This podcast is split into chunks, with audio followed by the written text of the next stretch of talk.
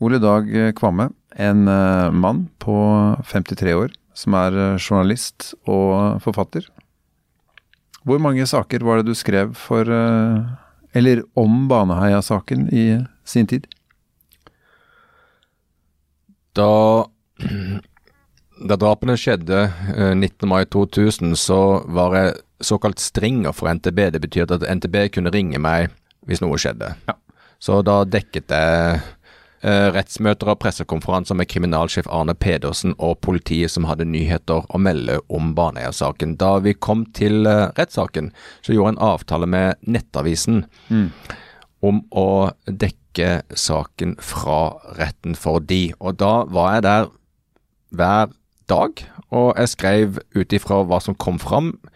Ja, én til fem. Jeg tror en av dagene så hadde jeg eller flere dager, da, så hadde jeg åtte-ni reportasjer. Du sitter da i retten og skriver ut ifra det som kommer fram, og tenker mm, dette er interessant, dette er en sak, Eh, og eh, mailer da til redaksjonen i Oslo, som da behandlet dette, desket det og la det ut.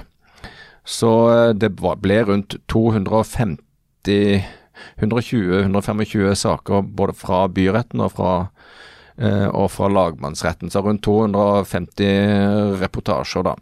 Så du fulgte saken tett den gang den utspant seg, eh, som journalist for NTB og Nettavisen, rett og slett. Jeg fulgte den tett, og eh, da saken var endelig ferdig, så eh, printet jeg alle disse, puttet det i en rød perm og gikk på en måte videre i livet.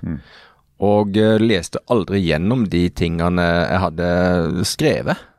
Før eh, jeg nå i arbeid med boka bare på en måte hmm, bare satte meg ned og leste gjennom dette for å finne ut hva, hva var det egentlig jeg hadde rapportert. For det er noe sånn liv som journalist er. Det er et her og nå-arbeid, det er et håndverk.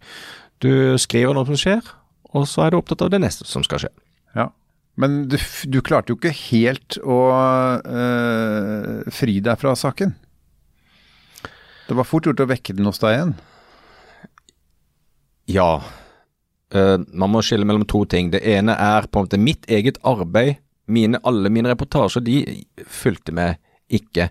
Det som fulgte med, var jo det vi opplevde var et uavklart bilde av hva som hadde foregått i Baneheia. Det var jo så mye som vi visste ikke stemte. Vi visste jo at en Helge øh, jugde.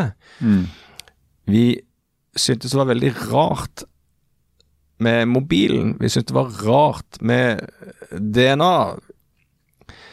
Uh, og ting halta, men Slutta ikke å skurre, liksom. Nei, det slutta ikke å skurre, men livet går videre. Man har andre oppgaver som journalist, så, eh, så jeg jobba ikke ved det. Ingen gjorde det.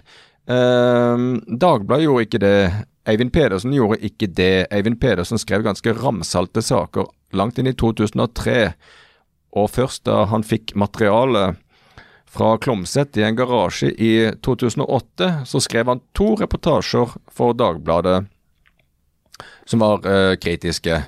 Og eh, mens, eh, mens jeg hadde jo gått opp løypa, det hadde jo flere journalister uh, gjort, og tatt tidspunktene som Jan Helge hadde forklart om hvordan dette skal ha foregått, og fikk det ikke til å stemme med NRK-reporter Reidar Mosland. Vi, vi, vi visste jo at her Vi har ikke fått svarene fra Baneheia.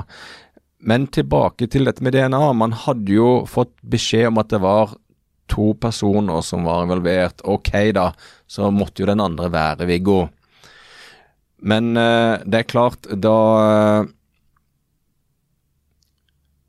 Men det er klart. Nei, jeg klarte aldri å legge den fra meg. Og uh, i 2008, da Viggo Kristiansen leverte en begjæring om gjennomtakelse, så var jeg utrolig nysgjerrig og ønsket å se og høre hva dette kunne handle om.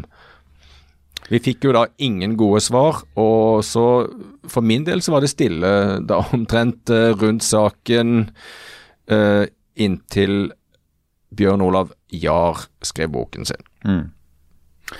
Hvordan har det vært å være den gang småbarnspappa, få et par unger til og ungdomspappa gjennom uh, hele denne prosessen?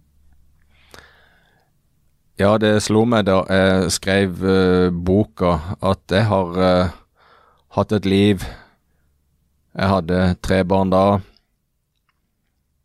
Jeg fikk en sønn i 2006 og hadde flere båter. Hadde en seilbåt, solgte en seilbåt, en annen seilbåt, en annen fiskeskøyte, diverse småbåter, elsker båter.